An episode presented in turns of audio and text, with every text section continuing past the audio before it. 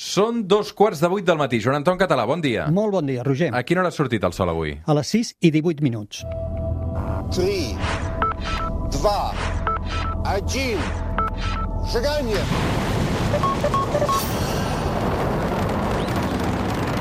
One small step for man, one giant leap for mankind.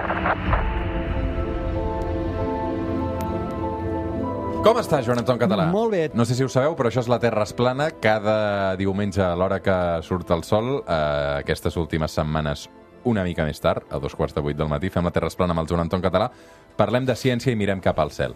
Avui amb el Joan Anton Català eh, parlem segurament d'un dels experiments més famosos i més citats de la història de la ciència, un gat que no sabem si és viu o és mort, una caixa tancada i un científic austríac. Avui, a la Terra es plana, el gat de Schrödinger.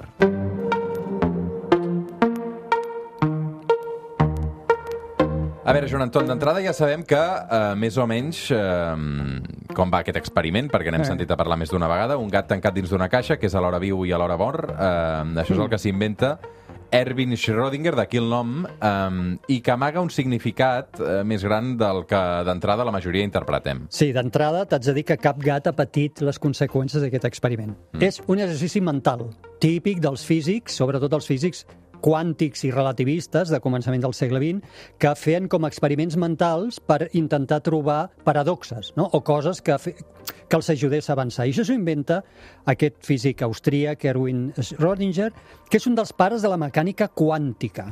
I ho fa, i aquí és on la gent potser això no ho coneix, ho fa per ridiculitzar un dels punts de la quàntica. És dir, ell és un pare, ara ho expliquem, de la quàntica. Ell va ajudar a desenvolupar aquesta, aquesta branca de la ciència, però hi ha un punt que en parlarem molt polèmic de la quàntica que ell no se'l creia, ni ell ni Einstein, i va idear aquest experiment per ridiculitzar, per dir, veieu com aquest punt no pot ser, eh? però ja et dic que és un experiment mental, hem de pensar que és això, eh? un exercici. Posem uh, aquest experiment una mica de context. Uh, introduïm la mecànica quàntica. A veure, uh, d'entrada, recordem què és la, la quàntica, que ens costa molt, eh? I tu t'agrada molt, però ens costa molt. Ho sé, ho sé. Pau, ja li vam dedicar un programa eh, que es pot recuperar només específic a la quàntica. Aquí farem un resum molt ràpid. Uh, és una branca de la física que es desenvolupa a començaments del segle XX que explica com ens funciona la natura a nivell microscòpic, per tant, com funcionen les partícules subatòmiques. A diferència d'altres avenços científics que han estat molt personalitzats, Einstein a la relativitat és un exemple, tot i que hi va haver moltes altres contribucions, però si parles de relativitat dius Einstein. A la quàntica es va desenvolupar per la contribució d'un munt de grans científics d'aquella època, Planck, Bohr, de Broglie, Heisenberg, Schrödinger i fins i tot el mateix Einstein, qui va, hi va contribuir també. La quàntica, ho hem explicat molts cops, és extraordinària. Ens explica una realitat sorprenent, antisentit comú total. I potser el més sorpre- sorprenent és que no ha fallat mai, que l'estem utilitzant industrialment i mai no ens ha fallat. L'hem sotmès a proves super extremes i les ha superades totes i, a més a més, en nota. Per exemple, la memòria dels nostres ordinadors o dels nostres mòbils, la memòria electrònica, funciona, entre altres coses, perquè entenem com funciona la quàntica. Mira com és de estrany tot plegat, que el Premi Nobel Feynman, Richard Feynman, deia la mecànica quàntica descriu la natura com absurda, però està totalment d'acord amb els experiments que fem. Diu, per tant, confio que podrem acceptar que la natura és tal com és, absurda. I un altre famós Premi Nobel, Stephen Weinbe- Weinberg, va parlar d'aquest fet també dient admeto sentir certa incomoditat pel fet de treballar tota la vida dins un marc teòric que ningú no entén del tot. Eh? Per tant, avui no hi ha més temps d'explicar tot el que hi ha darrere de la quàntica, però ja com a introducció ja veus una branca de la ciència extraordinària. Mm. Per entendre l'experiment eh, que avui eh, fem amb el Joan Anton Català, que és el gat de Schrödinger, hem de repassar els tres grans pilars de la quàntica. La indeterminació, mm -hmm. indeterminació, Sí. l'atzar, la superposició d'estats... Eh, a veure, comencem per la... Indeterminació. A veure, És més fàcil, ja veuràs, és més senzill, és més senzill del que sembla les paraules. Uh, D'entrada, la indeterminació diu que no ho podem saber tot amb precisió d'una partícula. Ja està, és així de fàcil. Abans de la quàntica pensàvem que ho podíem saber tot d'aquestes partícules. Per, per exemple, dèiem, els electrons giren al voltant del dels nuclis atòmics, de manera que podem calcular la seva velocitat, a on són en aquest moment, igual com si fossin planetes que giren al voltant del Sol. Però era un model ingenu i que ja hi havia coses que no quadraven. Per exemple, eh, els càlculs indicaven que un electró que girés al voltant d'un nucli hauria d'anar perdent energia a poc a poc i, per tant, hauria de col·lapsar, de caure, contra el nucli, de manera que no existiríem, no existirien els àtoms, eh? i evidentment això no és cert. La quàntica ens mostra una realitat completament diferent. Amb la quàntica l'electró no es troba a cap posició concreta que estigui perfectament determinada. Més aviat es troba, anomenem, deslocalitzat, en molts llocs al mateix temps. Una cosa que fa, això, tremolar el sentit comú. Tant és així que només podem parlar en quàntica de la probabilitat que l'electró es trobi en un lloc determinat i en un moment determinat, però no la certesa. Això arriba al punt de que hi ha llocs on l'electró no hi podria ser, des d'un punt de vista de la física clàssica, dius, aquest electró aquí és impossible, no té l'energia per ser-hi, i en canvi, en quàntica hi ha una certa probabilitat de que l'electró es pugui trobar allà, i de fet el podem mesurar, i això ho hem provat, el podem mesurar en allà.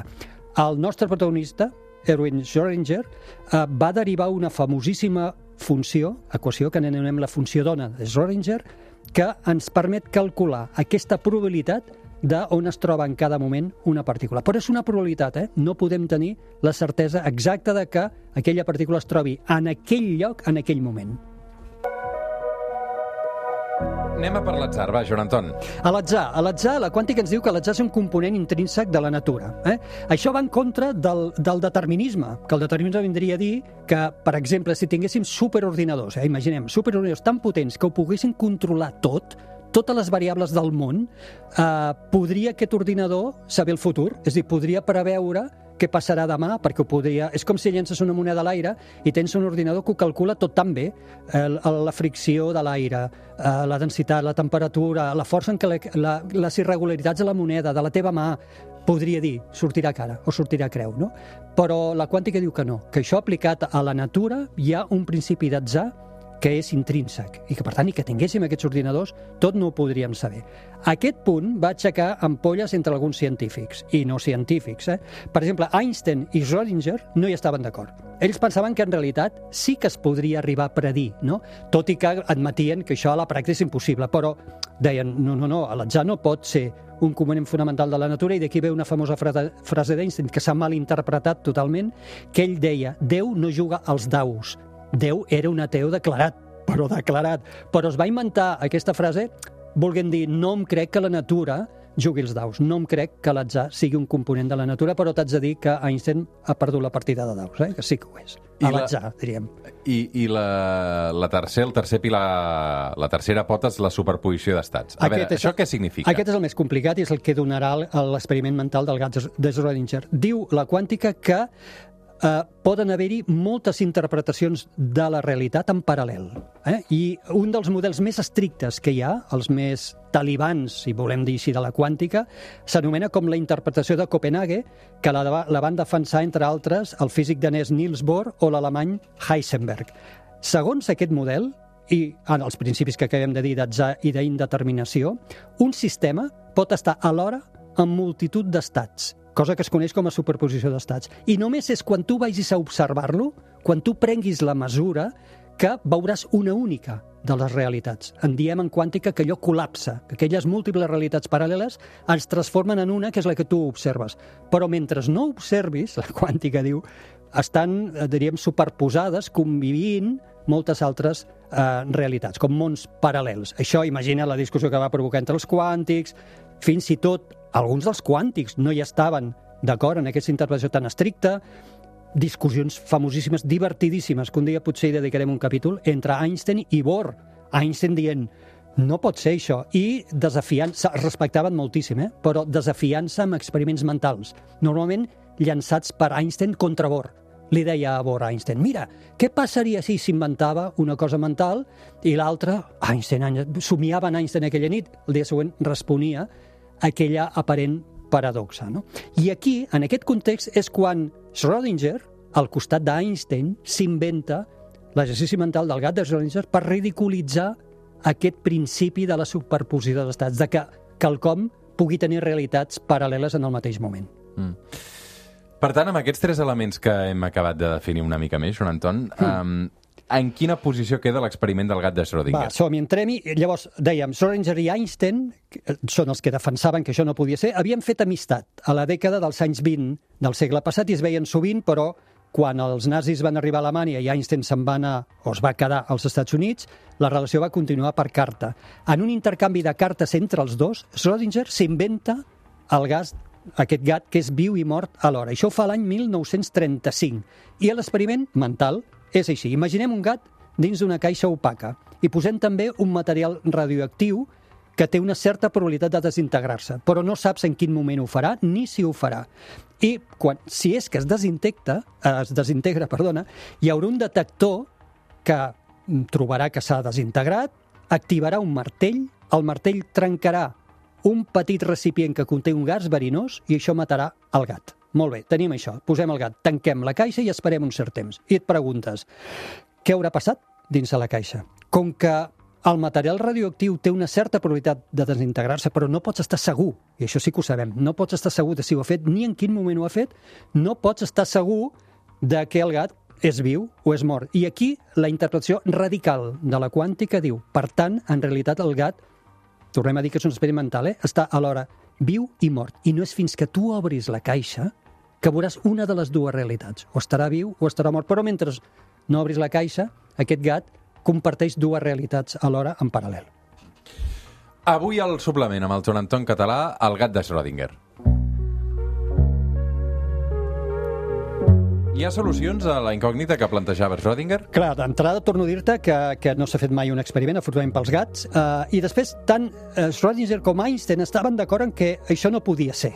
Eh? Per això Schrödinger s'havia inventat aquesta, aquest experiment mental. Deien que no pot ser que puguin haver estats eh, paral·lels eh, al mateix temps, o realitats paral·leles al mateix temps. Bohr es va defensar, evidentment, del repte, i va dir que quan tu hi poses un detector dins la caixa, que l'has de posar, que és el que detectarà que hi ha radiació i farà que s'activi el martell i trenqui el recipient amb el gas verinós, ja has començat a prendre mesures. Per tant, ja has interferit en el sistema i ja has trencat aquesta realitat paral·lela. Per tant, deia, només pel fet de que tu posis el detector dins, el gat ja o estarà viu o estarà mort. Ja has trencat la possibilitat que pugui estar alhora viu o mort.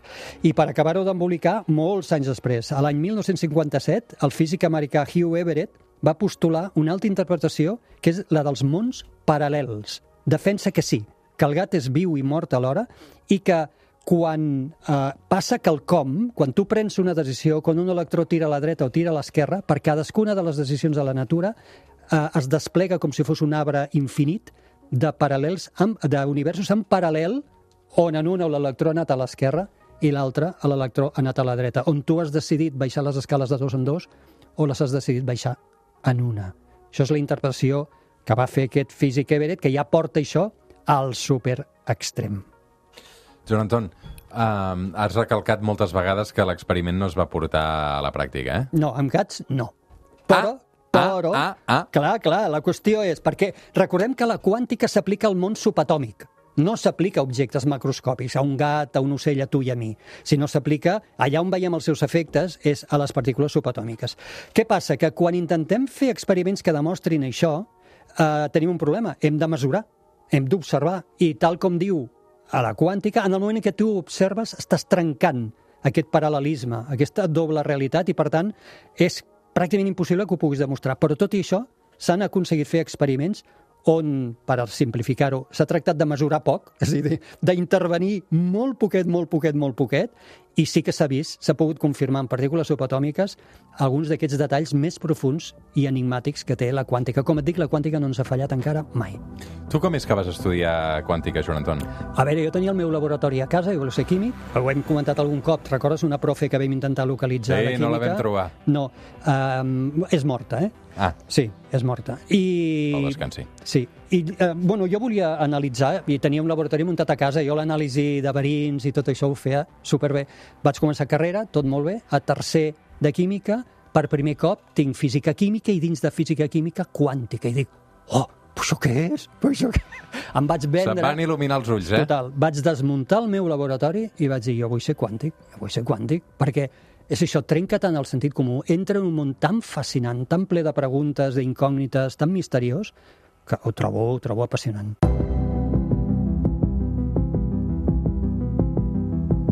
Joan Anton Català, per tancar, què hi passarà aquesta setmana al cel? Bé, va entrar a l'estiu, recordem que va entrar el dimecres 21, que era el dia que el sol s'ha amagat i ha sortit més cap al nord, a l'hemisferi nord, uh, i ara ja tenim la lluna creixent, que s'està situant ja per sobre de Venus, ideal per veure aquest cel del de, moment de la posta de sol, i a la matinada tenim Saturn i Júpiter, que cada cop s'aixequen una miqueta més abans que surti el sol per l'horitzó est.